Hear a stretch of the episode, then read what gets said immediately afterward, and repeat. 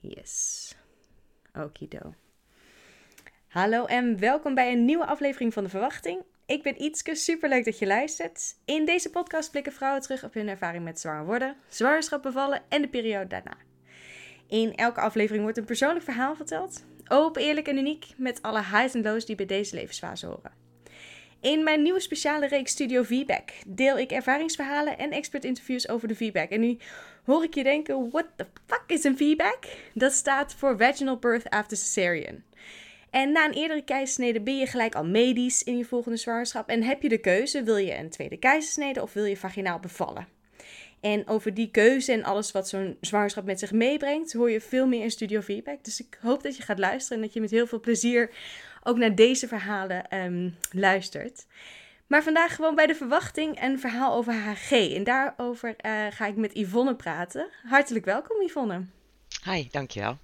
Ja, superleuk om, uh, om jouw ervaringen te horen vandaag. Wil je beginnen met iets over jezelf te vertellen? Uh, ik ben Yvonne Marin. Ik ben getrouwd met Katalin Marin, die komt uit Roemenië. Ik ben 35, uh, Katalin is 33. En wij hebben, uh, zijn in februari ouders geworden van ons eerste kindje. Ja, oh kijk, dat is nog best kort geleden. Ja. ja, inderdaad. En ik zei het al in de intro een beetje. Um, je had tijdens je zwangerschap te maken met HG. Dus dat ja. komt in, in deze aflevering ver naar voren. Maar um, waar wil jij voor je verhaal beginnen? Uh, nou ja, uh, ik zal beginnen bij het begin. Wij zouden eigenlijk 28 maart 2020 zouden wij gaan trouwen. Heel groot, met alle familie uit Roemenië, familie uit Nederland, vrienden uit het buitenland. Wij hebben allebei heel lang gevaren. Daar hebben we elkaar ook ontmoet. Uh, dus we hebben veel vrienden uit het buitenland. dus wij zouden gaan trouwen 28 maart. Maar toen kwam corona. Dus toen ja. ging dat trouwen natuurlijk niet door. En toen hebben we de bruiloft verzet naar 31 oktober. En uh, in mei dachten we uh, van nou, uh, ik ben al, nou ja, oud is niet het juiste woord, maar ik ben ook niet meer de jongste. Ik was toen 34. Dachten we van nou, zullen we vast gaan proberen om te kijken of we een kindje kunnen krijgen met het idee dat het wel niet zo'n vaart zou lopen allemaal. Uh, en ik was dezelfde maand nog zwanger. Dus in juni, uh, 24 juni, deed ik een zwangerschapstest. En uh, ja, die was positief. En ik wist het eigenlijk al, want mijn uh, cyclus was ontzettend regelmatig. Dus op de dag dat ik eigenlijk ongesteld zou moeten worden, werd ik dat niet. Toen zei ik s'avonds tegen Katalin, ik denk dat ik zwanger ben. Maar toen hebben we toch nog gewacht voor, op de volgende dag. En dacht, ja, ochtendurine is toch beter, weet je dat idee? Yeah. En toen de volgende dag, hij moest gewoon gaan werken. Dus ik zat om uh, kwart voor zes zat ik op de wc om een zwangerschapstest te doen. En nou, het was meteen overduidelijk. Ik was zo zwanger als maar zijn kon. Ja, ja. Oh, dus dat was ja, super, super snel. En daarmee ja, voel je je natuurlijk ontzettend ja, gezegend. Omdat je ook weet, dat hebben we ook in de omgeving wel gezien. En je weet ook gewoon dat het niet altijd zo makkelijk, zo makkelijk gaat. En maar dat het bij ons wel zo snel ging, ja, dat had ik totaal niet verwacht. Maar het was natuurlijk ontzettend uh, welkom uh, dat ik uh, zwanger was. Sorry, als, je even, als jullie even op de achtergrond horen, mijn man is met er bezig hoor. Maar... ja, nee, dat heb je met kleine kindjes. Ja. ja, die zijn er ook gewoon bij. Ja. Um, ja, dus dat ging ontzettend snel. En, ja. en voelde je gelijk al, uh, al zwanger dus? Nou, ik voelde me niet per se nog zwanger op dat moment. Maar ik wist omdat mijn cyclus zo regelmatig ja. was. Daardoor wist ik eigenlijk wel zeker dat, uh, ja, dat ik zwanger uh, was. En de eerste week was alles nog goed. En we hebben het diezelfde avond nog tegen mijn ouders verteld. Omdat we niet konden wachten. Oh, leuk. Ik, we waren er zo blij mee dat we dachten, nou we gaan het toch maar gelijk, gelijk vertellen. En uh, nou, die waren ook ontzettend blij voor ons. En toen, uh, mijn zus zat nog in het buitenland, die was op vakantie. Uh, en toen zij terugkwamen, dat was denk ik, was ik denk vijf weken zwanger. Toen zijn we het aan haar gaan vertellen. Toen was ik wel al af en toe onpasselijk. Maar je denkt dan, ja, dat hoort erbij. En weet je, zwangerschapmisselijkheid is normaal. Um, hoewel ik er geen rekening mee had gehouden, omdat mijn zus en mijn moeder allebei nog nooit misselijk zijn geweest. Die hebben allebei twee zwangerschappen gehad. Zonder ook maar ergens last van te hebben. En al helemaal geen misselijkheid. Dus ik had er niet echt op gerekend. Maar je denkt wel, nou ja, misselijkheid. Eh, dat is toch een van de meest besproken zwangerschapskwaaltjes die er, die er zijn naast bek- en instabiliteit, denk ik. Ja. En toen. Uh, ja, ging die onpasselijkheid ging redelijk snel over. Eh, in week 6 was ik echt wel hele dagen misselijk en ook al regelmatig aan het spugen. En eh, in week 7 eh, werd het nog erger. Toen heb ik me voor het eerst ziek gemeld op mijn werk. onder het mom gewoon ziek, want ik wilde het eigenlijk nog niet vertellen op mijn werk. En toen. maar ik was in mei ook ziek geweest. en toen had ik ook maagklachten. Dus mijn toenmalige manager, die belde op, joh, mag ik even bij je thuis langskomen? Dus ik zei, ja, dat mag. Dus toen kwam ze langs thuis. En toen keek ze naar me en zei ze, ben je niet zwanger? En toen zei ik, ja, ik ben inderdaad zwanger. Ik zei, maar ik ben zo ziek. Oh. Ik zei, ik wilde het eigenlijk nog niet vertellen. Dus toen ben ik, dat was mijn eerste ziekmelding. mijn werkgever ging er onwijs goed mee om, dat moet ik wel zeggen. Ik werd meteen uh, ziek gemeld als ziek door de zwangerschap. Wat voor de werkgever natuurlijk voordelen heeft. Want dan krijgen zij het vergoed vanuit het UWV. In plaats van een gewone ziekmelding. Maar ik dacht toen nog wel van nou, bij 12 weken dan is het wel weer over. En dit is een weekje dat ik echt eraf lig. En dan komt het wel weer goed. Maar ik ben in week 8 nog een halve dag wezen werken. Nou, dat ging totaal niet. Ik denk dat ik die ochtend dat ik ben wezen werken vijf keer moest overgeven of zo. Terwijl ik daar was. Dus toen zei ze van, joh, wat doe je? Je gaat maar lekker naar huis. En iedereen wel met het idee dat ik bij 12 weken, als je dat eerste trimester door bent, dat het dan weer, uh, weer beter zou gaan. En toen hebben we op een gegeven moment een echo gehad. Ik denk dat dat ook in week 8 was of week 9. Uh, eh, want dan gaan ze natuurlijk kijken of, eh, of alles goed zit. En daar was ik, toen kwam ik daarvan terug. En toen zei mijn moeder al van, ja, het gaat niet goed met je. Hè? Toen zei ik, nee, ik ben zo, zo misselijk en ik moet zoveel spugen. Dat ik ook gewoon niet echt heel blij kon zijn met bijvoorbeeld die echo en, en, en dat soort dingen. Nee. Maar omdat je ook, um, nou ja, omdat ik het in mijn omgeving dus nog nooit had meegemaakt. Dat mensen dus echt ziek waren ervan. En omdat het je eerste keer is, weet je ook niet goed wat kan. Ik wist bijvoorbeeld niet dat er medicijnen waren. Dat vertelde die mevrouw bij de echo me, toen ik zei dat ik zo misselijk was. Ja. toen heb ik gebeld naar de huisarts. Nou, daar waren ze er niet echt happig op, maar vooruit, uh, ik kreeg dan emacefene voorgeschreven. Dat zijn uh, uh, ja, antimisselijkheid tabletjes. Nou, die tabletjes, dat was echt een drama, want die spuugde ik elke keer weer uit. Oh god. Ja, dus op een gegeven moment kreeg ik toen zetpillen. Uh, uh, dat ging wel, die bleven in ieder geval wel zitten, maar echt helpen deden ze naar mijn gevoel niet. Kijk, ik weet niet hoeveel ik had overgegeven zonder de emacefene in het begin. Ja. Maar ik gaf nog steeds ja, zes, zeven keer per dag over op dat, op dat punt. En ik ging ook overal heen met een emmer. Die, uh, die Emmer was echt mijn beste vriend. Die ging mee van het bed naar de bank. En eigenlijk overal waar ik ging, ging mijn Emmer mee. En dan probeerde ik weer wat te eten. En dan na tien minuten daarna, dan kwam het gewoon weer, kwam het gewoon weer naar boven. Ja. Drinken ging ook steeds moeilijker. Dat kwam ook, water was bijvoorbeeld echt niet te doen. Als ik dat dronk, dan kwam het er meteen weer uit.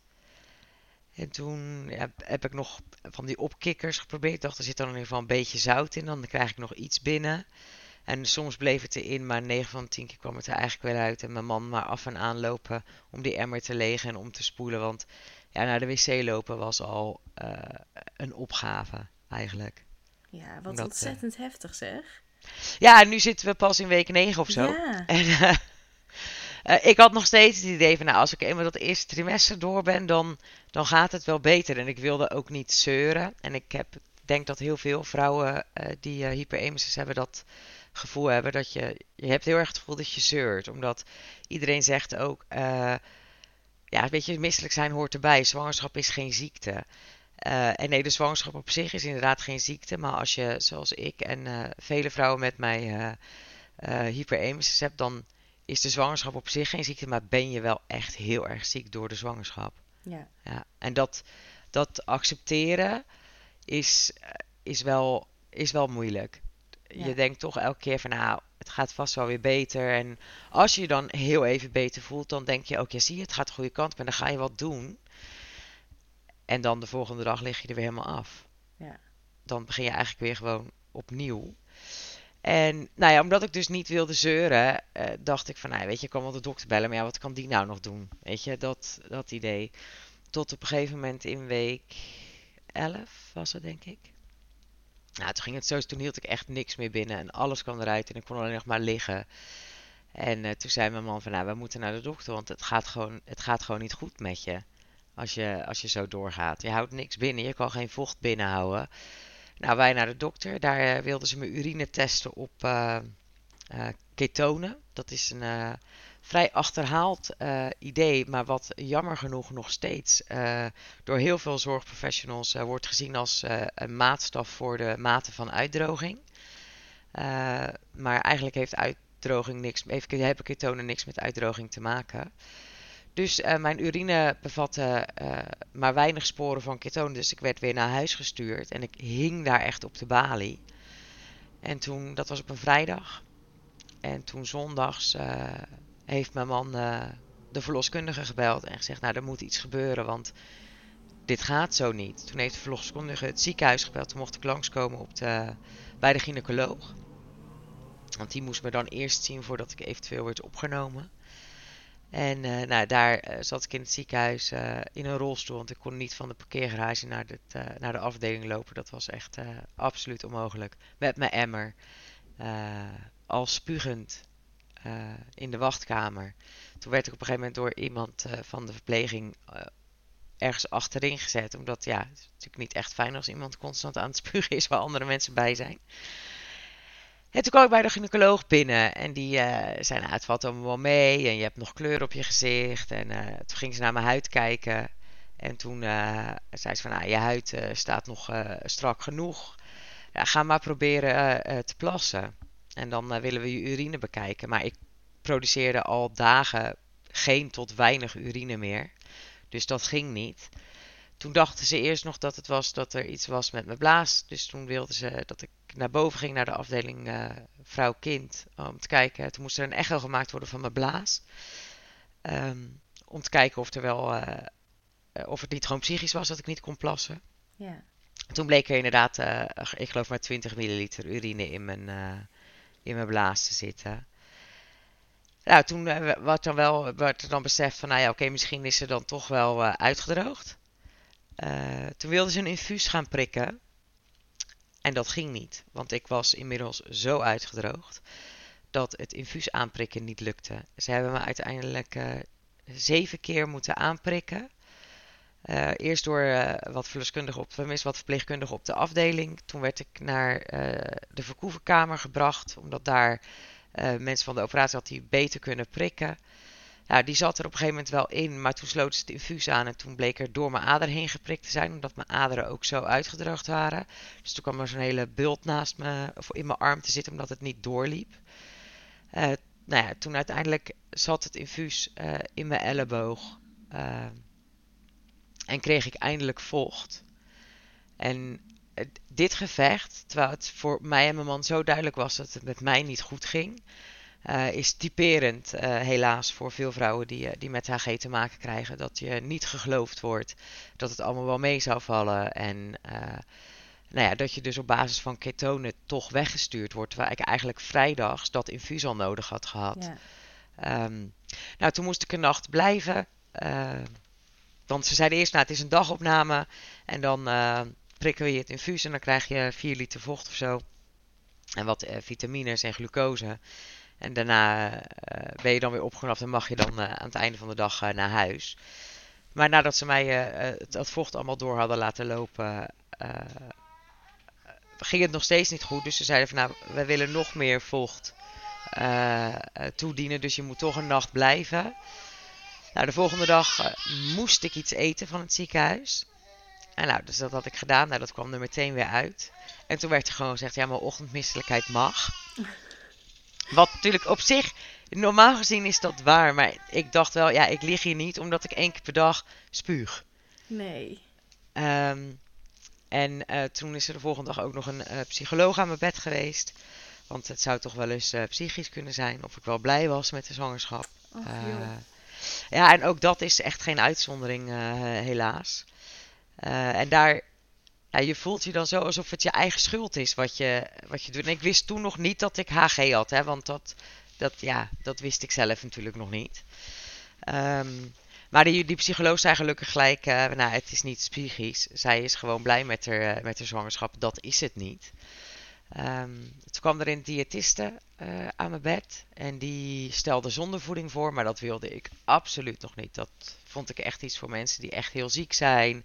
En ik was maar zwanger en ik zat bijna aan het einde van het eerste trimester en dit zou toch echt wel weggaan. Hield ik mezelf voor. Dus ja. toen kreeg ik wel drinkvoeding mee, uh, voorgeschreven. Dat zijn van die flesjes van het astronautenvoeding een beetje. En die moest ik dan uh, proberen drinken. Er zitten heel veel calorieën en heel veel voedingsstoffen. Maar die, uh, die heb ik thuis gestuurd. Ja, ik kreeg het bijna niet weg. Dat is, ook dat is, het een beetje dikkige substantie. En dat, ook dat kwam er weer uit. toen heb ik heel erg gezocht naar dingen die ik dan wel kon eten. McDonald's was bijvoorbeeld wel iets wat niet altijd, maar soms wel binnenbleef.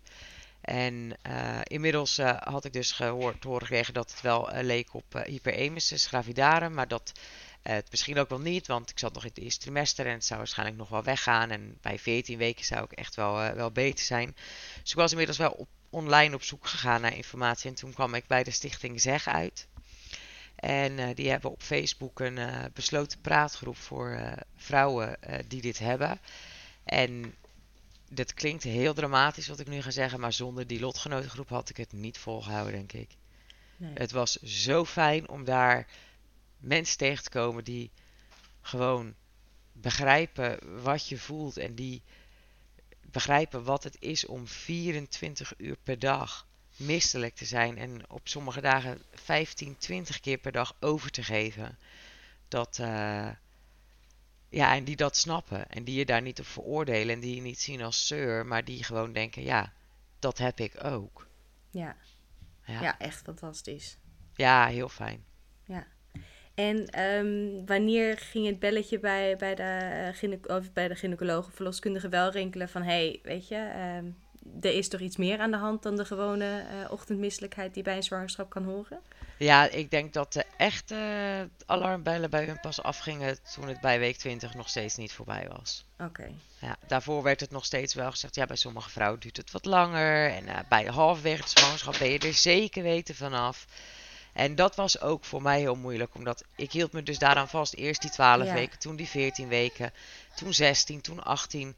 En toen het bij 20 weken nog steeds uh, zo heftig was, toen heb ik voor mezelf gewoon besloten, nou, ik ga er nu gewoon vanuit dat het tot het einde duurt, dan kan het alleen maar meevallen. Ja. Ja, en het duurde inderdaad ook echt tot het oh, einde. Lord. Ja, ja, heftig hoor. Ja, want zelfs al, weet je, natuurlijk eh, kan een misselijkheid is gewoon een van de, de ja, dingen die bij zwangerschap kan horen. En dat kan super vervelend zijn. En hopelijk is het alleen in de ochtend, maar soms is het ook gedurende de dag. Maar als je zoveel moet overgeven en het heeft zo'n impact op je, uh, je leven, dat je niet meer kan werken, dat je eigenlijk helemaal niks kan doen. En wat je zei, die emmer gewoon als een... Uh, kleine vriend altijd bij ja, je Ja, was echt mijn best buddy, die emmer. Ja, dan denk ik toch, dit is ook niet normaal. Weet je, het, het hoeft dan niet per se uh, HG te zijn, maar dit is ook niet dat je zegt: Oh joh, uh, weet je, stel je niet aan en hou nog maar even vol. Nee, ja, en toch werd dat wel, uh, ja, het wordt toch nog heel erg onderschat. En ook, ik kon wel nog, nog steeds goed praten.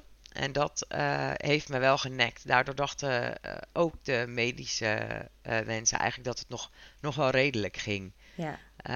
ja, terwijl het eigenlijk gewoon helemaal niet goed ging. Toen heb ik ook nog. Um, uh, Primperan gekregen. Dat werkte bij mij best wel heel erg goed. Oké. Okay. Um, maar ik kon er niemand van overtuigen dat ik dat langer dan vijf dagen achter elkaar mocht gebruiken. Ik mocht het vijf dagen gebruiken en dan moest ik twee weken pauze houden.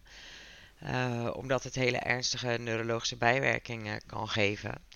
Alleen is het zo dat die bijwerkingen, als die ontstaan, ontstaan die in die eerste vijf dagen.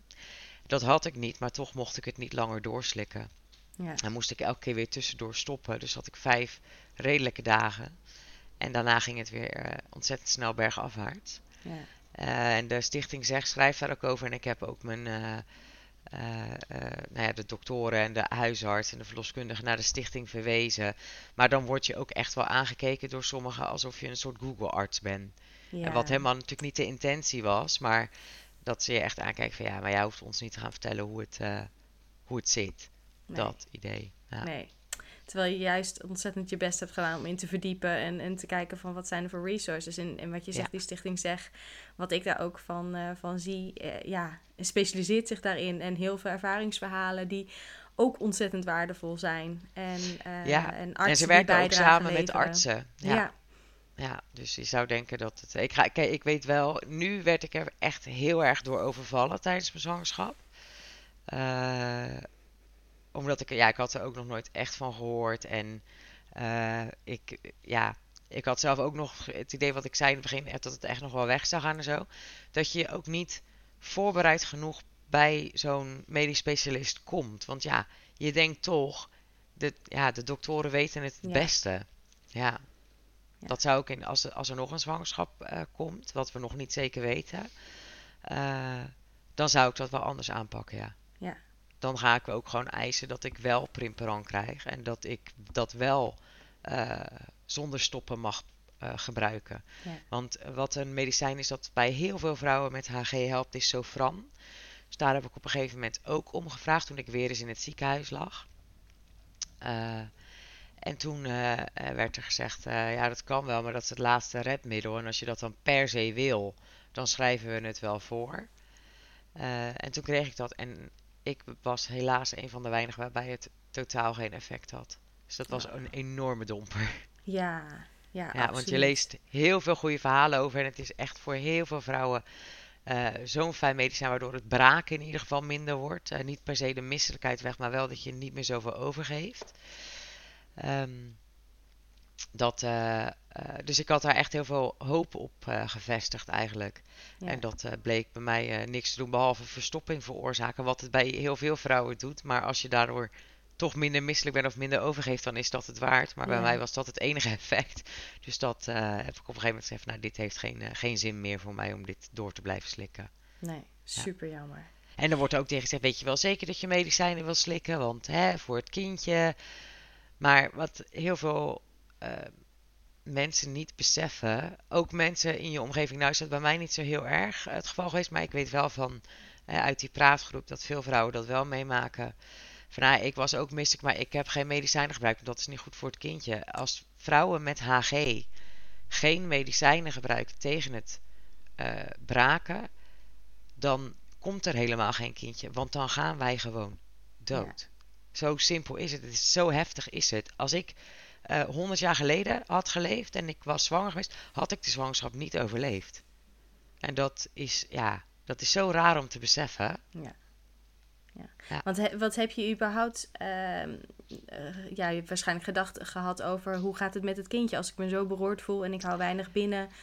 Um, ja, groeit zij wel goed en, en hoe gaat het allemaal? Ja, ja, dat is ook uh, iets waar je je zorgen over maakt. Hè? Want als je dan, wat ik zei, als ik dan iets binnen kon houden, was het uh, McDonald's bijvoorbeeld. Nou, nou, niet echt het meest voedzame in de wereld.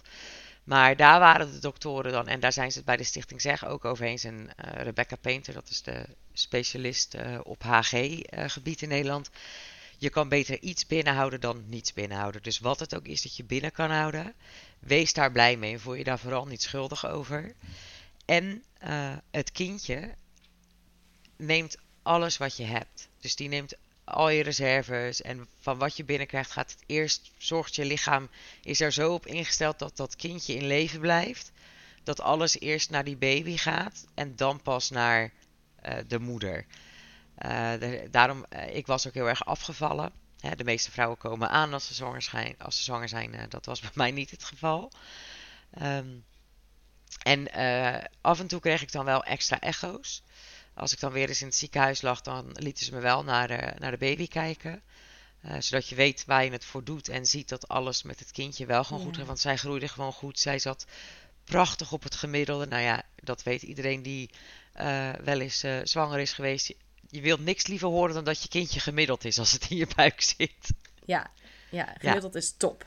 Het gemiddeld is fantastisch. Ja. De klein is niet goed, de groot is niet goed. Gemiddeld is het toverwoord wat je wil horen als het ja. nog uh, in je buik zit. En dat was elke keer het geval. Dus dat uh, geeft je dan wel de moed van, nou ja, het gaat met mij dan wel heel slecht, maar met mijn kindje gaat het in ieder geval goed. Um, en ik was dan ook wel, ik vond het wel leuk om de echo's uh, te zien en zo, maar echt een band opbouwen met het kindje in mijn buik, dat, dat lukte niet echt. Uh, ik kon er niet echt van genieten dat er, een, uh, dat er een baby in mijn buik zat. En dat kwam denk ik door twee dingen. Omdat ik me zo vreselijk slecht voelde, natuurlijk. En omdat je tijdens de zwangerschap een soort rouwt om de zwangerschap die je niet hebt. Uh, ik had me zo voorgesteld dat ik gewoon uh, vlieren fluitend tot 36 weken zou werken. Leuk met mijn buik overal zou showen. En gewoon nog heel actief zou zijn en met vrienden zou afspreken. En nou ja, mijn leven eigenlijk gewoon doorzetten, maar dan met een bolle buik. Dat was yeah. het idee dat ik had. En dat je dat moet laten varen. Ik had bijvoorbeeld ook gedacht dat ik een zwangerschapsshoot zou doen. Nou, ik moest er niet aan denken toen ik zwanger was. Dat had ik, dat had ik niet gered, een zwangerschapsshoot. Terwijl ik dat wel heel graag had gewild. Ja. Ja, ja nee, dat, dat stukje is inderdaad ook een stukje een rouwproces van... Ja, wat er eigenlijk een hele bijzondere periode in je leven moet zijn... is gewoon een ontzettend heftige periode. Ja, echt, Een, echt een rotperiode. En dat mijn man... Uh, uh, voor mijn man was het ook best wel moeilijk. Want die moest... Uh, nou, ik kon bijvoorbeeld... Ik kon echt niet meer functioneren. Ik kon ook niet het huishouden doen. Ik kon niet stofzuigen. Ik kon mezelf niet eens wassen. Uh, dus mijn man, dan ging ik in bad zitten. En dan ging mijn man me wassen en mijn haar wassen. En dat, ja, dat emotioneert me wel. Dat ik denk, ja, weet je, dat is niet hoe je het voor je ziet. Dat je, zo, dat je er zo slecht aan toe bent dat je niet eens meer jezelf kunt wassen. Ja. Ja. En dan dat hij dat dan heel liefdevol allemaal voor mij deed. En mijn uh, kotsemmertjes schoonmaken en het hele huishouden bijhouden, voor de hond zorgen. Mijn moeder heeft heel veel gekookt, omdat ik at bijna natuurlijk niet. Maar koken was ook heel lastig, want ja, dat, daar zitten allemaal geuren aan. Ja. Dus dan kookte mijn moeder extra en dan kregen wij wat voor mijn man, zodat hij in ieder geval wel nog iets voedzaams kon eten. Ik had namelijk ook heel erg last van geur. Mijn neus was echt. Ik heb altijd al een goede reuk gehad, maar mijn neus was echt op hol geslagen. En dan voornamelijk, er was één ding bij ons in huis. Ja, het slaat nergens op hoor. Maar de trapkast bij ons in huis. Dat is een gewone kast met, nou ja, voorraad. Wat hebben mensen in de trapkast staan? Stofzuiger, dat soort dingen. Nou, die geur van die trapkast, die nou, het was de hel voor mij. Ik heb ook echt mensen de trapkast ingezet. Mijn moeder, mijn zus. Van, ruiken jullie nou niks in die trapkast? Nee, hij zei ruiken niks. Gewoon normaal, normale lucht. Maar als ik boven op bed lag en mijn man deed de trapkast open, dan rook ik het gewoon boven. Oh. Zo heftig was het. Dat... En zo waren er nog veel meer geuren die ik echt niet, uh, waar ik niet tegen kon dat ik het maar hoefde te ruiken. En dan, nou, dan begon ik al te kokhalzen en dan ging ik weer. En het was dan ook niet zo van het, je spuugt en het is weg, want je spuugt, maar je blijft misselijk. Ja. Dus het is echt zo'n cirkel waar je in zit die soms eindeloos lijkt. Ja, ja dat het niet eens een opluchting is. Nee. Ja, heel even, misschien een seconde. Ja, dus dat het er even uit dat je denkt, oké, nou, en dan haal je adem en dan, dan is het er weer. Ja. Ah. Ja, het is niet ik kan, je kan, ik, kan het me niet, ik kan het me nu, nu ik ben nu uh, vijf maanden geleden bevallen, ik kan het me nu al bijna niet meer voorstellen hoe heftig het toen was. Ja. Het is dat ik nog wel eens wat heb opgeschreven en af en toe een Facebook post en in die praatgroep uh, regelmatig of iets posten of reageerde op andere mensen. Dat ik denk, ja, zo heftig was het echt wel. Nu denk ik al, nou, ja, dat, ik, ja, dat klinkt misschien heel stom, maar zelfs nu denk ik wel eens, stelde ik me niet gewoon een beetje aan. Ja. Terwijl dat echt niet zo is. Maar omdat het. Nou ja, je vergeet heftige dingen in je leven natuurlijk. Uh, uh, sneller. Zo is, zo is de mens gewoon evolutionair natuurlijk ingesteld. Uh, dat je daar over het algemeen. Net als dat je pijn niet terug kan halen. Ja. Kan ik dit ook niet meer. Ik kan me nu niet meer voorstellen. Uh, dat ik 24 uur per dag misselijk was. Ja dat alle, en het is zo'n alles, alles overheersend gevoel, dat is echt, ja, het is een verschrikking. Echt, je wenst het je ergste vijand nog niet toe. Nee. En je vertelde dat je, uh, jullie dan bij de bezoeken bij de gynaecoloog uh, vaak een extra echo kregen om toch even te laten zien van, hey, hier doen we het voor. En het gaat allemaal goed met het kindje. Maar krijg je ook nog andere begeleiding, ook op mentaal vlak, om, om ja, jou zo te ondersteunen? Uh, nee, die heb ik niet. Die is er wel hoor. Er zijn wel vrouwen uh, die worden bijvoorbeeld doorgewezen naar de poppolie. Ik heb een geluk, ik heb het geluk daarmee dat ik een, een, een, een goed sterk netwerk om me heen heb staan. ik ben heel close met mijn ouders, heel close met mijn zus. Wat goede vrienden. Nou heb ik weinig mensen gesproken hoor tijdens de zwangerschap, dat laat ik dat voorop stellen. Er zijn ook maar heel weinig mensen die mij zwanger hebben gezien, omdat ik, ja, ik kon niks, dus ik kwam de deur niet uit.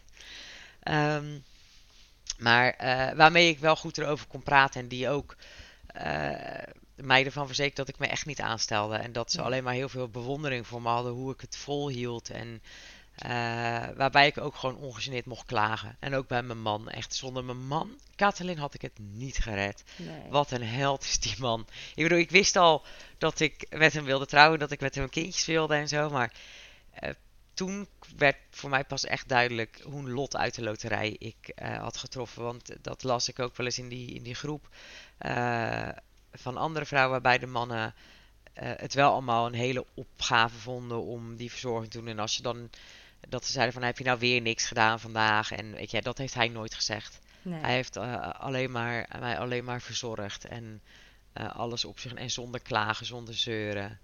En, oh, ja, fantastisch. Ja, echt. Toen dacht ik echt, ja, ik heb de goede uitgekozen. Ah, kijk, dat is een hele mooie bevestiging. Ja, want het is voor hem ook ontzettend pittig geweest natuurlijk. Want hij ziet zijn vrouw ook gewoon wegkwijnen. En ja. Ja, wat voor hem ook een hele bijzondere periode is, is ook gewoon heel hard werken en zorgen maken om jou en om jullie. Ja, ja, zeker. En hij moest ook, weet je, hij heeft voor mij ook toen die keer in het ziekenhuis bij die. Uh, hij heeft ook gezegd: ja, maar het gaat niet goed met mevrouw. Jullie moeten iets voor haar doen, weet je wel. Je kan mevrouw niet zo laten creperen. Want dat, dat gevoel had hij. Want hij zag mij natuurlijk dan thuis. Nou, en dan lag ik als een vaderhoek of op bed of op de bank. Met die emmer. En die hij honderd keer moest legen. En ja, ja het, is, het is voor partners ook echt heel erg zwaar. Ja, ja. absoluut. Ja. Hey, en je, je zwangerschap vorderde gelukkig en weet je, het leek allemaal goed te gaan met het kindje. Had je op een gegeven moment dat je ook dacht van, oh ja, die bevalling komt eraan, daar moet ik ook nog wat mee. ja, eh, zeker. Zeker. Ja. Hoe, hoe ging dat? Hoe bereidde je je voor? Nou, het was met uh, week. Ik ben in week 22 ben ik getrouwd uiteindelijk. Uh, met heel veel medicijnen slikken heb ik op mijn bruiloft maar twee keer overgegeven. Denk je, nou ja, maar twee keer overgeven op bruiloft. Maar dat was echt wel dat ik dacht, nou, dat valt allemaal reuze mee. En dat kwam denk ik ook door de adrenaline die die dag voelt en dat soort dingen. Uh, maar dat, eh, dat, voor die bruiloft heb ik wel de prijs moeten betalen. Ik werd daarna nog zieker. Uh, toen ging het meteen weer heel erg slecht. En in week 24 lag ik voor de verandering weer eens in het ziekenhuis. En toen zei ik voor het eerst tegen de mensen daar van ja, maar dit gaat zo niet. Ik moet ook nog bevallen straks. En ik heb nu al geen energie. Laat staan over 16 weken. En dan moet ik nog een bevalling gaan doen die voor normale mensen al ontzettend zwaar is. En zei ze van ja, maar je kan nog wel aansterken. En toen is er dan uiteindelijk besloten om uh, zondevoeding te plaatsen. Met het idee dat ik daar uh, van zou aansterken. En dat ik in ieder geval vocht en voedingsstoffen binnen zou krijgen. Dus dat, die is toen geplaatst. Dat is ook geen pretje om te laten plaatsen. Maar ja, ik dacht, wellicht helpt het. Ehm, en het heeft niet de misselijkheid per se weggehaald. Maar omdat ik, uh, ik had 24 per dag dus die zondevoeding aanstaan. En die dan langzaamaan in mijn maag druppelde. En daardoor hield ik naar verhouding meer binnen dan dat ik elke keer zou eten. Uh, want ik spuugde wel nog met de zonde. Ik heb de zonde ook heel vaak uitgespuugd. Wat ook geen, geen pretje is. Ik weet nog wel de eerste keer dat ik hem uitspuugde. Nou, toen raakte ik helemaal in paniek. Want ja, je moet je voorstellen, die zonde die gaat dus via je neus. En dan zo via je keel naar je maag. En aan je, bij je neus komt hij eruit. En dan zit hij natuurlijk aan die machine vast waar dat eten uitkomt. En ik moest uh, weer eens spugen. En die zonde kwam via mijn mond. Dus het gedeelte wat in mijn maag zat, kwam via mijn mond naar buiten. Dus ik had het gevoel dat ik niet meer kon ademen. Want hij zat natuurlijk door mijn neus en nu kwam hij in bij mijn mond naar oh, buiten. En ik was helemaal in paniek, dus ik riep uh, mijn man, nou ja, die kwam aan en die raakte ook in paniek. Omdat hij mij zag met dat ding dat uit mijn mond hing. En toen heeft hij hem uit, via mijn neus eruit getrokken. toen moesten ze weer een nieuwe zonde komen plaatsen. en daarna spuugde ik hem regelmatig uit. Dat, en elke keer moet dan de thuiszorg komen om die zonde in te brengen. Dus bij de vijfde keer of zo dat, dat er hier iemand was van de thuiszorg, toen zei ik van nou, kan ik niet zelf leren om die zonde in te brengen? Want ja, ik ga hem nog wel tot aan het einde van de zwangerschap nog wel een paar keer uitspugen. Zei ze, nou ja, als je dat durft, dan, dan kan dat. En dan laten wij zondes achter. En dan, uh, ze zeiden, als je nou nu eerste keer doet waar ik bij ben, hè, dan kan je kijken of het goed gaat. Dus toen heb ik uh, mezelf dat aangeleerd om die zonde opnieuw in te brengen. Zodat ik ook niet elke keer tot de volgende dag hoefde te wachten met het opnieuw aansluiten van de voeding. Um, en ik denk dat ik in, ik heb in totaal 12 weken zonder voeding gehad. Want in week 36 spuugde ik hem voor de zoveelste keer uit. En toen dacht ik, nou, nu ben ik er klaar mee. Ik ben nu bijna bij de bevalling. Laat maar allemaal. Want die bevalling, ik wilde dus heel graag eerder bevallen. Want ik dacht echt, straks laten ze me doorlopen tot 42 weken. Dat, nou, dat trek ik gewoon niet. Omdat ik nog steeds zo ziek was. Dus toen in week, nou ja, wat is het? Dat je daar week 35 of zo bij de verloskundige. Dat je dat bevallingsgesprek uh, krijgt. Mhm. En ik wist al dat ik in het ziekenhuis wilde bevallen. Dat wilde ik sowieso. Uh, ik wilde niet thuis bevallen. Dat zag ik absoluut niet zitten. Al voordat ik zwanger was, zag ik dat niet zitten. Um, dus nou, toen kregen we dat gesprek. En daar was mijn man natuurlijk ook bij. En die zei ook van, nou, we moeten haar uh, in, uh, ja, in gaan leiden. Uh, en zij zagen ook wel in gelukkig, mijn verloskundige gesprek was niet heel kundig op het gebied van HG, maar ze waren wel heel begripvol naar mij toe. Dus uh, Kathleen die zei tegen hem van ja, ze moet, kan dat niet eerder, weet je wel, kindje is toch af bij 37 weken, dat idee. Um, nou, daar waren ze bij de verloskundige, stonden daar gelukkig wel voor open. Ze kreeg een doorverwijzing naar de gynaecoloog. Uh, daar had ik heel veel hoop op gevestigd. En toen kreeg ik diezelfde gynaecoloog als die ik de eerste keer had gehad, uh, die eraan twijfelde of ik wel uitgedroogd was of niet. En ik zat daar met zondevoeding in mijn neus. Uh, hè, dus op zich best duidelijk dat ik echt wel ziek was. En zij zei gewoon ijskoud tegen mij: Nou, we lijden niet in uh, zonder medische noodzaken voor 42 weken. Nou, mijn man ging helemaal uit zijn stekker. Want hij zei geen medische noodzaak. En zei ze, nou, maar met het kindje gaat toch alles goed? Het was gewoon niet belangrijk hoe het met mij ging nee. op dat moment. En ik zei, ik zei, maar ik moet ook nog die bevalling door. Hoe ga ik dat doen? Ja, bizar. Ja, maar dat, kun, dat, hè, dat, dat komt wel, dat komt wel. En ik dacht alleen maar, want ook met de zondevoeding, ik bleef sinds de zondevoeding stabiel op gewicht, maar ik kwam bijvoorbeeld niet aan. Terwijl ik al was afgevallen vanaf mijn startgewicht. Ja. En het was er ook niet zo dat ik heel veel meer energie of zo daardoor had. Maar nee, dat wilde ze niet. Nou, dus ik, wij zijn, ik ben daar huilend weggegaan. Gelukkig had ik de volgende ochtend meteen een uh, uh, controleafspraak bij de verloskundige. En die vroeg heel vrolijk... Uh, nou, hoe was het gisteren bij de gynaecoloog? Dus ik barstte daar in tranen uit. En ik zei ja, nou ja, het verhaal verteld. En toen, ja, ze werd echt heel boos. Het was echt zo fijn dat iemand voor mijn gevoel eindelijk voor mij opkwam buiten mijn man. Zei ze van, nou, maar we, wat denkt ze wel niet? We sturen niet voor niks iemand door voor een inleiding. We weten heus wel waar we het over hebben. Ja. Dus zij is gaan bellen met het ziekenhuis. En toen uh, uh, is er een andere gynaecoloog opgezet. En toen werd ik vrijdags gebeld. En hij zei, uh, ik wil je wel nog graag even zien. Maar ik kan je bij deze alvast vertellen dat we je... dat op, bij 39 weken wordt je kindje geboren, want we gaan op 38,6 gaan we een ballon plaatsen bij je. Nou, toen moest ik heel erg huilen van opluchting, want nu kon ik ergens naartoe werken. Ik dacht, nou ja, dan gaat het dus echt beginnen. En ik had me niet echt voorbereid op de bevalling, want ik heb geen cursussen gedaan. Sowieso was het natuurlijk coronatijd. Uh, ja, en ik kon het gewoon fysiek uh, niet aan om uh, bijvoorbeeld een, een, online cursus soort volgen, zo lang naar bewegende beelden kijken, dat ging gewoon niet. Dat, dat kon ik gewoon niet aan. Dus ik dacht, nou ja, weet je, ik zie het wel met die bevalling. Ik had wel uh, met mezelf afgesproken, uh, op het moment dat ik de eerste keer tijdens de bevalling denk, ik wil pijnbestrijding, ga ik het ook meteen doen. Want ik denk dat ik dat met mezelf afgesproken dat ik wel genoeg had geleden voor dit kindje. Ja, kan ik me voorstellen hoor. Ja, terwijl ik van tevoren, hè, voordat ik zwanger was, had ik daar hele andere ideeën over. Toen dacht ik echt, nou, weet je, mijn zus en moeder hebben het ook zonder pijnbestrijding gedaan. Dat kan ik ook, dat wil ik allemaal niet. En ik wil gewoon, weet je, natuurlijk bevallen zonder pijnbestrijding. Maar daar was mijn beeld wel enorm over bijgesteld. En toen was ik in, even kijken, 26 februari is Eva geboren. Ik was op 23 februari bij de gynaecoloog. Die, uh, die mij dus nog wilde zien voordat hij me zou inleiden. En uh, ik kwam daar binnen. En toen, ik, mijn zonde was uit. Want die had ik uitgespuugd en ik had besloten er niet meer in te doen. Dus dat zei ik ook. Ik zei, ja, ik zeg, ik heb geen zondevoeding meer. Want ik, dat, ook dat, mijn neus is zo geïrriteerd. En het, het gaat gewoon niet meer. En toen zei hij ook naar meisje, je hebt het zwaar genoeg gehad. Hij zei, ik ga wel nog kijken of je al, of je baarmoedermond er al klaar voor is. Maar we gaan je sowieso inleiden, hoe dan ook. Want het is, het is genoeg geweest.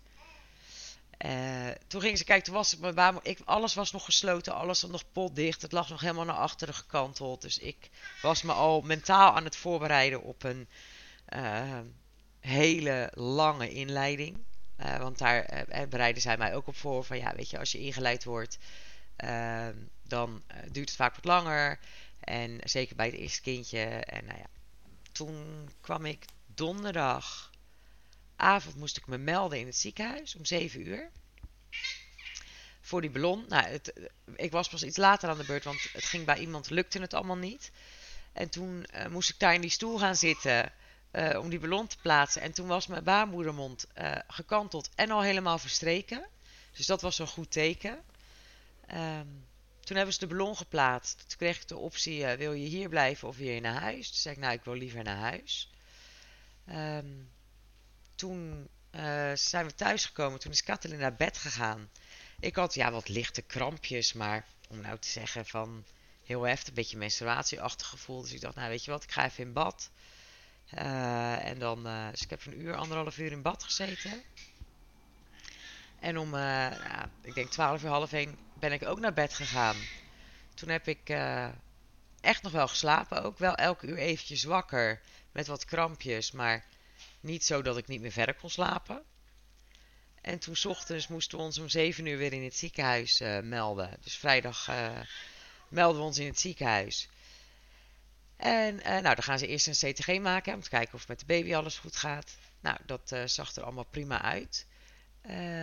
Dus toen zei ze van nou, dan gaan we de blonde verwijderen en kijken uh, of het wat heeft gedaan. En toen had ik al 4 centimeter ontsluiting. Kijk. Ja, dus dat was echt. Ik dacht, nou, die heb ik alvast gratis gekregen, voor mijn gevoel in ieder geval. Um, omdat ik ook gewoon nog had kunnen slapen en zo. En um, nou, dus toen werd het infuus aangeprikt. Dat ging heel moeilijk, want ik was toch weer uitgedroogd. Dus uiteindelijk hadden ze het infuus voor de weeënopwekkers aangesloten. Uh, en toen zeiden ze van, nou, we gaan nu je vliezen breken. En dan geven we je lijf uh, een uur, twee uur de tijd om te kijken of, ze het zelf, of die het zelf oppakt. Uh, maar bij de eerste moeten we eigenlijk altijd weeënopwekkers geven. Dus hè, we kijken het aan, maar dan na een uur of 1, 2 gaan we je weeënopwekkers geven. En dan gaan we dat langzaam opbouwen. Um, dus ze braken mijn vliezen. En ik denk dat ik nog geen minuut later volop in de weeën zat. Kijk, wat reageerde je lichaam goed zeg. Wat heerlijk. Ja, ja mijn lichaam was echt, die dacht, wij zijn er ook klaar mee. Ja. Eruit met die baby. Ja. En toen, uh, dus, ik, ja, dus ik begon, ik, was, ik kreeg gelijk weeën. En ik had heel erg bewegingsdrang in het begin. Uh, dus uh, ze hebben zo'n elektrode op, de, op het hoofdje van Eva geplaatst. Uh, in overleg met mij, want ik lees dat dat heel vaak zomaar wordt gedaan. Maar omdat ik heel graag wilde bewegen, zakte die CTG elke keer van mijn buik af. En dan waren ze haar hartslag weer kwijt. Dus toen zeiden ze van, nou ja, we kunnen uh, zo'n elektrode plaatsen. En dan hebben we gewoon een stabielere meting van haar hartslag om te zien hoe het met haar gaat. En kun jij gewoon rondlopen als je dat wil. Uh, dus dat heb ik gedaan. Uh, en na een, ja, ik denk na een uur, anderhalf uur, zei ik: Ik wil pijnbestrijding nu. Dacht echt, en ik dacht daarvoor keer, nou stel ik me nou zo aan. Ik vind het echt heel heftig. Omdat het als, ja, en ik dacht, nou, ik ben pas anderhalf uur bezig, weet je. Ik dacht echt, nou, maar ik dacht, nee, Yvonne, je hebt met jezelf afgesproken. Je bent al zo verzwakt. Als jij pijnbestrijding wil, wil je pijnbestrijding. Dus ik zei, nou, ik zei, ik wil pijnbestrijding. Nou, zei hij, uh, verpleegkundige die bij me zat. Van ja, dat, dat kan wel, maar het is wel erg snel. Want dan moeten we meer weten, weer meten hoe ver je ontsluiting is. En, uh, dus ik was daar een beetje overdonderd. Maar gelukkig was Katalin daar. En die zei, hoor je er niet? Ze wil graag pijnbestrijding. Ga maar meten als dat dan de consequentie is van het feit dat ze pijnbestrijding wil. Nou, dus toen werd er weer iemand bijgeroepen. Nou, dat duurde eventjes. Dus ik denk dat ik inmiddels uh, ja, anderhalf à twee uur bezig was. En toen gingen ze voelen en toen had ik al 8 centimeter ontsluiting. Oh joh. Dus toen zeiden ze van ja, nu snap ik ook waarom je pijnbestrijding wil. Want het, het gaat gewoon echt heel snel. Dus je weeën zijn ook echt heel heftig. Ze zei alleen het vervelende nieuws is dat je nu geen ruggenprik meer kan krijgen. Want dan gaan we het eigenlijk alleen maar vertragen. Dus toen boden ze me een of andere spuit met iets aan die in mijn been gezet werd. En ik zei, ja, doe maar, wat dan ook. Maar ik wil iets hiervoor. Dus toen werd die prik in mijn been gezet. Nou, ik heb het gevoel dat die prik echt niks gedaan heeft. Wellicht heeft het wel iets gedaan, maar voor mijn gevoel uh, deed het helemaal niks. En dus, nou ja, ze zei, wat, eh, het is om tien voor acht hebben ze mijn vliezen gebroken. En uh, nou, om even voor tienen had ik 8 centimeter ontsluiting. En om tien over half elf of zo, of kwart voor elf, zei ik: Ja, ik heb persdrang. En toen zei voor die verpleegkundige die erbij zat: Nou, dat lijkt me stug. Dat is wel erg snel. Ik zei: Nou, ik weet het zeker. Ik voel het gewoon. En toen keek ze naar me en zei ze: Mijn god, het gaat echt heel snel. Dus hup, weer iemand erbij geroepen. nou, dan moeten ze je natuurlijk weer toucheren om te kijken of je wel mag persen. Toen zat ik op uh, een 9 en een beetje, dus toen moest ze nog met haar vinger een, uh, een randje weghalen. En ze deed iets en dat deed zo pijn dat ik zei, nou je moet nu met je hand eruit. En toen zei, bleef ze eerst zitten, zei ze, ja maar dan moet ik nog een keer, dan maar nog een keer. Ik zei, maar er komt nu een wee aan en dit kan niet samen. Dus nou zij eruit. En toen was die wee weg. Toen heeft ze het laatste randje weggehaald. En om vijf voor elf mocht ik persen. En om uh, vijf over half twaalf was Eva er. Wauw. Ja, en dat was echt zo fantastisch. Ik heb mijn bevalling echt als een droombevalling ervaren. Want voor mijn gevoel heb ik maar vier, ben ik maar vier uur bezig geweest met die bevalling. Vier hele intense uren. Maar ik dacht ook bij mezelf, er zijn genoeg vrouwen die 48 van zulke intense uren hebben. Ja, maar dat is echt ontzettend snel gegaan, zeg ja. joh. Ja, ondanks dat het natuurlijk met die ballon en inleiding ja. was, ik heb ook geen weeënopwekkers gekregen. Nee. En toen zei de verloskundige, uh, nadat Eva eenmaal geboren was en natuurlijk dat allemaal had, zei ze, als jij niet was ingeleid, was je van het weekend waarschijnlijk zelf bevallen. Ja. ja, was de bevalling waarschijnlijk zelf op gang gekomen. Je lijf was er zo klaar voor. Ja. Ja. Ja, dat fantastisch. En hoe het dan net, net daarvoor eigenlijk allemaal nog potdicht en helemaal ja. nope, geen teken. Ja. En ineens is er dan toch iets in gang gezet. Dat krijgt nog een extra duwtje door het ballonnetje en het uh, breken van de vliezen. En dan go. Ja, en go. En het was echt, ja, mijn lijf was er gewoon zo klaar voor. Het was echt... Uh... En daarom, ik, ik kijk echt met zo'n ontzettend fijn gevoel terug op de bevalling. Ja. Uh, het komt denk ik ook omdat ik er hè, door die verschrikkelijke zwangerschap zo ontzettend naartoe had geleefd dat het afgelopen was. Want tijdens de bevalling heb ik wel ook nog gespuugd. Uh, want ja, ik spuugde, ik heb echt tot het einde gespuugd. En Eva was geboren, nou ja. En toen zei ik al bijna meteen tegen mijn man: Ja, het was het toch echt wel allemaal waard. Ik zou het oh. zo nog een keer doen. toen ze er eenmaal was, ja. Ja. Ja. En was die misselijkheid toen ook al, um, al een beetje weg? Of is dat als de placenta eruit is? Hoe, hoe snel gaat dat? Ja, dat is eigenlijk als de placenta eruit is, uh, uh, is het in principe uh, niet bij iedereen hoor, maar bij mij was het toen meteen weg. En ik kreeg, in het, op een gegeven moment, ik kreeg de vraag, nou wil je iets eten? en toen zei ik, nou ja, ik wil wel een boterham met kaas. En nou echt, dat is het lekkerste wat ik ooit gegeten had. Nou, je moet je voorstellen, dat is zo'n ziekenhuisboterham met zo'n ja. plastic plak kaas. Echt, het was natuurlijk helemaal niet lekker. Maar omdat door HG is je smaak ook heel erg veranderd. Want je hebt ook constant een hele vieze smaak in je mond. Die invloed heeft op alles wat je eet. Dus niks smaakt meer. Nou, die boterham was echt... Nou, hemels. Ik bleef ook maar tegen Kathleen zeggen hoe lekker het wel niet oh, was. Oh, wat goed. Ja, het was echt. En ik kon ook weer een heel glas water in één keer leeg drinken. Nou, dat soort dingen. Dat je denkt, nou, dat zijn echt hele normale dingen, maar die waardeer je dan zo. Ja. Ja. En met ja. Eva was alles perfect. Die oh, was. Uh, helemaal af. Alles zat erop en eraan. En eh, eh, ja, het was echt, eh, ja, dat was echt een prachtig moment. Ja, Ja, die bevalling zou ik echt zo nog een keer overdoen. Ja, Heerlijk ik om vond het ook echt, je lijf, weet je, mijn het was voor mij zo duidelijk wat er gebeurde. Ook, weet je, met dat persen. Ik vond het persen echt fantastisch. Ja. En het lijkt me ook zo heerlijk dat je dan met die ervaring toch weer even het, het vertrouwen en de liefde voor je lijf weer terugkrijgt. Ja. Dat je zo'n heftige tijd hebt gehad dat je denkt, hé, hey, ik ben Ja. helemaal in tune geweest en, en dit is zo goed gegaan. Ik heb dit zo goed gedaan. Heerlijk. Ja, en mijn man die, die eh, zei van tevoren: Ik hoop dat eh, die, die gynaecoloog haar hoofd niet laat zien hier in die bevalkamer. Ja, Hij zei: Want ik, ik denk dat ik ten neerhoek, zei hij. ja, Dit, dit, dit- en ja, ja, dat iemand zo. Ze was ook nog vrij jong en zij heeft echt wel schade. Nou ja, schade. Eh, maar ik hoef haar nooit meer te zien. nee. Nee. Als ik ook nog een keer doorgestuurd word naar de, naar de gynaecoloog, dan wil ik niet bij haar. Zij heeft mij zo niet serieus genomen, terwijl mijn lijf zo op was. Nee, dat is jammer dat mensen, of ja, zeker die professionals, eh, die gynaecologen, niet altijd beseffen wat voor impact ze hebben met niet alleen wat ze zeggen, maar ook hoe ze het zeggen en hoe Ja. het gebracht wordt. En, en ja, dat eh, je dus heel goed naar de patiënt moet luisteren, in jouw geval jou. Ja, En als je echt, eh, ja, ik, ik heb meerdere verhalen gehoord nu ook over eh, vrouwen die ernstig misselijk waren of ook echt HG hadden. En iedereen zegt, ja, maar ik wil me niet aanstellen. ja, En, en de- volgens mij is dat ook een beetje een Nederlandse mentaliteit van, hè, weet je, niet zeuren, hoort erbij, even doorzetten. dat. En vrouwen, nou ja, Ja, weet je, we willen, we willen ons niet laten kennen en hups, eh, we zetten nog wel even door. Dus voordat je eenmaal in die, in die stoel belandt daar tegenover eh, die arts, dan ben je al best wel ver gegaan.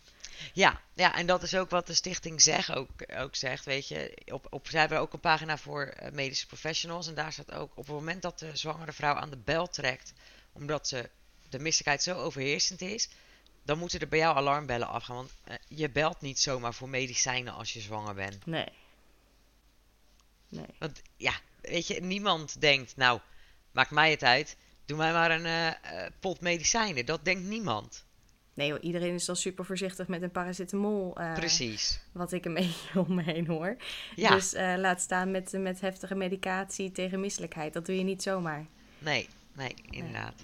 En had je nagedacht over borstvoeding geven of hoe je, je je kraamtijd in wilde gaan? Ja, ik heb wel nagedacht over borstvoeding. En ook daar had ik met mezelf afgesproken. Nou, ik probeer het, want ik wil het wel geprobeerd hebben. eh, het meegemaakt hebben ook. Maar als het niet, eh, eh, niet bevalt, dan stond ik ook open om over te gaan op kunstvoeding. Dus ik ben begonnen met borstvoeding. maar we moesten, omdat Eva was vrij klein toen ze geboren werd. En dat heeft niks te maken gehad met de HG hoor. Er worden ook gewoon eh 8, 9 ponders geboren bij vrouwen die HG hebben. Eh, maar Eva was eh, 45 centimeter, eh 2895 gram. Even voor de duidelijkheid, ik ben zelf 1,83 meter, dus echt een mini-baby is er uit mij gekomen. Ehm, dus ze moest ook meteen al bijgevoed worden eh, met kunstvoeding om het zeker te weten dat ze genoeg zou binnenkrijgen. Ehm, en ja, ik vond het niet eh, zo romantisch als ik me had voorgesteld, dat eh, voeden, eh, dat ik het vrij snel heb opgegeven. Ik heb, eh, geloof ik, eh, vier dagen en toen dacht ik, nee, dit is niks voor mij. Dit, Ja. eh, nee, want ik voelde me fantastisch fysiek na de bevalling. Ik stond ook meteen weer aangekleed en opgemaakt in de woonkamer. Maar dat, nee, het, het, het was niet, de combinatie was niet voor mij weggelegd. Dus toen zijn we overgegaan op, op kunstvoeding. En dat vond mijn man ook prima, want die zei ook: Weet je, schat, je hebt genoeg voor er gedaan al. Het is, het, is, het is wel goed zo. Ja, Ja.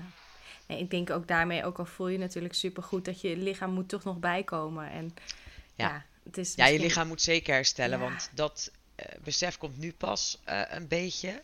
Ik was ook een paar weken geleden voor de eerste keer weer misselijk. Voor het eerst sinds de zwangerschap. Gewoon, Ja. ja, weet je, normale mensen zijn ook wel eens misselijk. Maar ik kreeg gelijk paniek. Dat merkte ik wel. Ik dacht, oh god, ik zal toch niet zwanger zijn? Ja. Dat. Want dat, mijn lijf zou nu een zwangerschap niet aankunnen. Nee. Je weet je, normaal, voor normale zwangerschappen is het al, hè. Je moet negen maanden ontzwangeren en ze raden je af om snel zwanger te worden. Maar nog zo'n uitputtingsslag voor mijn lijf, nee, dat is nu niet het, eh, niet het moment. nee. Nee. En je vertelde over dat je het moeilijk vond om echt eh, te focussen op het kindje in je buik en, en Ja. daar echt een band mee op te bouwen. Hoe was het toen ze eenmaal was geboren? Als sneeuw voor de zon verdwenen. Het was echt, nou ja, dat wat je altijd hoort en leest, weet je, dat het moment dat ze geboren is, dan hou je ervan en kan je je niet meer voorstellen dat het er niet was. Nou, dat. Ik was meteen compleet verliefd. Oh, wat Ja. fijn. En ik hield meteen immens veel van haar. En dat wordt eigenlijk met de dag alleen maar meer. Want ze is nu vijf maanden. En ze zit hier tegenover me in de wipstoel. eh, een beetje eh, aan dingetjes te trekken. Om te kijken of ze het in de mond kan doen. Ja, ik geniet er ontzettend van. Oh, Ja. wat fijn. Ja, Heerlijk. ja en dat... Ja, ik had ik nooit gedacht. Want ik, ik, ja, dat ik, maar ik voel me echt een geboren moeder. Ik denk, mijn lijf is niet gemaakt om zwanger te zijn. Maar ik ben wel gemaakt om moeder te zijn. Fantastisch. Ja. Ja. En je zei van ja, je zijn nog niet uit of je nog een tweede kindje wil. Speelt ook dat de, het risico, want volgens mij heb je dan een verhoogd risico dat je het nog een keer eh, HG hebt met een volgende zwangerschap. Speelt dat ook mee in die keuze? Heel erg, ja. Ja. Ja, omdat, eh, weet je, het is, eh, als, het, als ik er net zo slecht aan toe ben als de vorige keer, eh, dan heeft Kathleen niet alleen de zorg over mij en het huis en de hond, zoals in de vorige zwangerschap, maar dan hebben we ook Eva. Ja. En dat is, dan moet je echt wel een, eh, ja, daar moet je je gewoon heel erg goed op voorbereiden. En daar moet je echt eh, klaar voor zijn. En ik moet er klaar voor zijn om, eh, want ja, de wijsheid en de, de statistieken wijzen gewoon uit dat ik me moet voorbereiden op nog een HG-zwangerschap. Ik geloof dat de herhalingskans rond de 80 à 90 procent ligt. Dat merk je ook in die lotgenootgroep. Daar komen heel veel vrouwen die daarvoor de tweede keer zich mogen melden. Eh, omdat ze weer eh, zo ziek zijn. En eh, die leest ook van heel veel vrouwen dat ze bijvoorbeeld. eh, ik had het natuurlijk wel over die geuren eh, gehad. Dat dat Ja. zo heftig is. Ja, die de geur van hun eigen kindje niet eh eh, aankunnen. Die daar dus heel erg van gaan spugen. Ja, dat zijn gewoon hele heftige dingen waar je je op moet Ja. voorbereiden. ja, dat is gewoon bijna traumatisch als je dat mee moet maken. Het lijkt me echt ontzettend heftig. En ook, weet je, kijk, dan ga ik ook veel beter voorbereiden. Als, het wel, als we het wel nog voor een tweede kindje zouden willen gaan en het lukt. Ja, veel beter voorbereiden. Dan ga ik al voordat ik überhaupt misselijk ben beginnen met medicatie. Want eh, onderzoek wijst uit dat als je preventief eh medicijnen gaat slikken, dat er dan een kans is dat je het eh, een beetje onderdrukt houdt. Ja. Ja. Ja. Nou ja, en super fijn dat je nu dus eh, bij Stichting Zeg dus ook heel veel informatie kan vinden. En, Ja. en met lotgenoten contact kan hebben, tips kan uitwisselen, ervaringsverhalen. Ja. eh, goede ervaringen of minder goede ervaringen met bepaalde eh, Ja. professionals waarschijnlijk ook. Dus dat is denk ik ontzettend waardevol. En ook voor die, als iemand is die luistert en, en die heeft iemand in de omgeving of heeft zelf, zelf ervaring met ehm hyperemesis. Dan is dat gewoon een ontzettend goede eh, bron van informatie eh, over Ja, die stichting is echt zonder die stichting en die, en, en, en die lotgenotengroep, wat ik zeg, had ik het niet, had ik het denk ik niet volgehouden. Had ik ook niet geweten waar ik heen moest en wat ik moest zeggen. En Ja, Eh, want ze hebben ook voor een tweede zwangerschap dus een heel voorbereidingsplan eh, klaar liggen waarmee je naar je zorgprofessionals kan gaan. Hè, om het voor te bereiden op voordat je überhaupt in verwachting bent. Dus zeg maar als je besloten hebt van nou we willen voor een tweede of een derde of een vierde gaan. Eh, eh, dat je dan met een plan kan komen wat ook door doktoren onderbouwd is. En dat geeft je gewoon zo'n betere positie eh, om te krijgen wat je wil. ja, absoluut. En, Ja. wat ben ik nog vergeten te zeggen, Ja. maar ook ik kreeg in het begin natuurlijk allemaal tips. Ja, je moet een cracker eten als je uit bed komt. Je moet gember eten. Echt, als iemand HG heeft, zeg het alsjeblieft niet. Want A, we hebben het allemaal al geprobeerd. En B, het werkt echt niet. En ik kan je één ding vertellen. Gember overgeven is de hel. Echt Oh, de hel. Dat doet Ja. zo pijn. Ja, en wat zou, wat zou dan dingen zijn die iemand eh, wel zou kunnen zeggen of, of ter bemoedigen, eh, ja, bemoedigende woorden of iets anders? Wat, wat kan fijn zijn? Nou ja, gewoon. Het, het- i- wat ik heel fijn vond is dat mensen, als mensen tegen me zeiden van jeetje, het is inderdaad echt wel heel heftig, hè?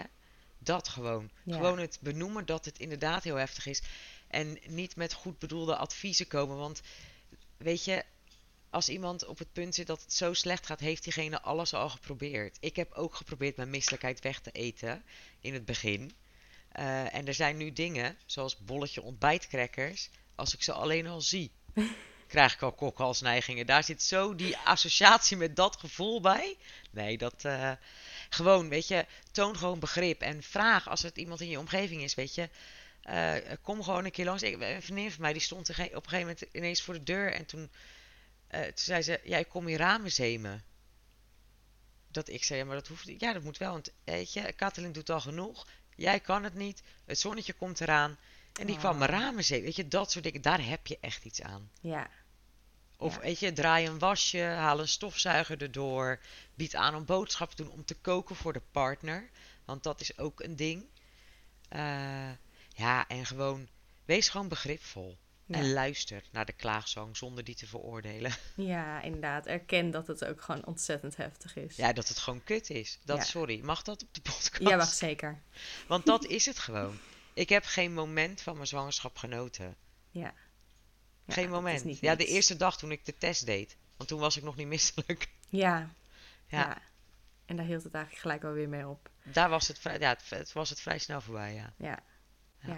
Ja. Ontzettend bedankt voor het eh, delen van je verhaal. Ik denk dat, eh, ja, ik vond het echt heel leerzaam. En, eh, en oh ja, het is ook zo prachtig dat je dan wel een bevalling hebt gehad waar je zo goed op terugkijkt. Dat Ja, dat, iedereen zei ook al tegen mij, nou dat heb je ook wel verdiend. Ja, nou echt. Dubbel en dwars. Ja. Absoluut. Nee, ontzettend eh, bedankt voor je tijd. Ja, heel graag gedaan. En eh, ik hoop, eh, weet je, als je er als vrouw luistert en je zit er middenin. Ik weet het is een cliché, maar het houdt echt op Ja. als de baby er eenmaal is.